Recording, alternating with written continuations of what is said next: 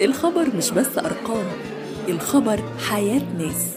البودكاست ده هيجمع لك حكايات من العالم تشوف فيها معنى الخبر في حياتك وحياتهم. الحكاية في دقائق مع مها الرئيس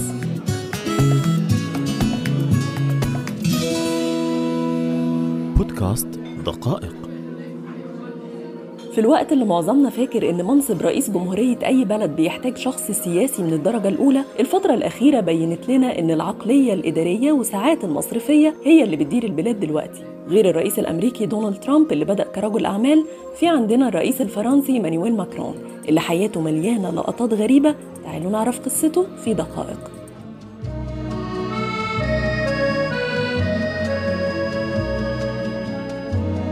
إيمانويل ماكرون اتولد سنة 77 في شمال فرنسا. كان طفل متفوق في المدرسة وبيحب الكتب جدا إنما الغريب إنه كان بيلاقي نفسه في صداقة الأكبر منه في السن. كان يخرج يتعشى مع مدرسينه ويناقش اللي بيقراه معاهم وكمان اهتماماته ببنات في نفس سنه كان تقريبا نادر جدا. في سنة 1993 كان ماكرون عنده 15 سنة وكأي طفل بيشارك في نشاط مدرسي شارك في مسرحية غيرت له حياته. L'aboiement d'un chien, l'ombre d'un homme, ماكرون لعب دور فزاعة حقل بس اللي مدرسة الدراما بريجيت ترونيو شافته فيه كان مختلف.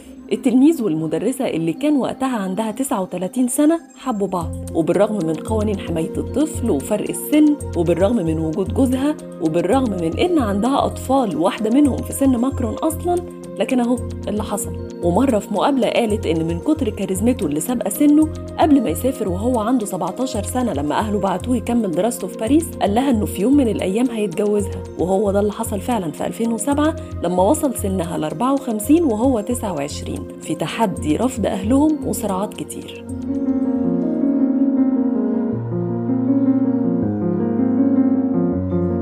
ماكرون ما كسرش قواعد عيلته في اختيار حبيبته بس ده كمان في اختيار مجال شغله. وبالرغم من إن عيلته كلها دكاترة إلا إنه درس الفلسفة في الجامعة وبدل ما يبقى دكتور بقى مستثمر ومفتش في القطاع المصرفي. ساب القطاع سنة 2012 وبقى نائب للأمين العام في الإليزيه وساعتها الصحافة كانت مسمياه موتزارت الإليزيه لأنه كان واخد جوائز في عزف البيانو. وبعدين خدم في حكومة فرانسوا هولاند كوزير للاقتصاد ودي بداية دخوله عالم السياسة.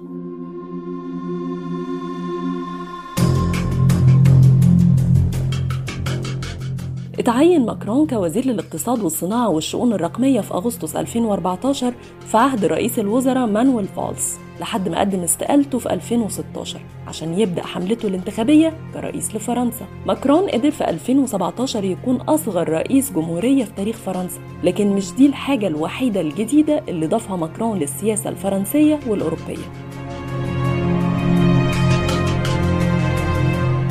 ماكرون فاز بالرئاسة باعتباره مرشح الوسط وده كان مهم في المجتمع الفرنسي اللي عايش فترة كبيرة تحت ضغط تيارين كبار بيمرجحوا سياسيا. ماكرون قدم العقلانية السياسية كتيار ثالث دافع القرار مش الأيديولوجي أو العقيدة السياسية دافع القرار هو قدرته على تحقيق النفع. سياساته في الهجرة في التعامل مع المجتمع المسلم في الإصلاح الاقتصادي تخليك ما تقدرش تصنفه في واحد من الفريقين.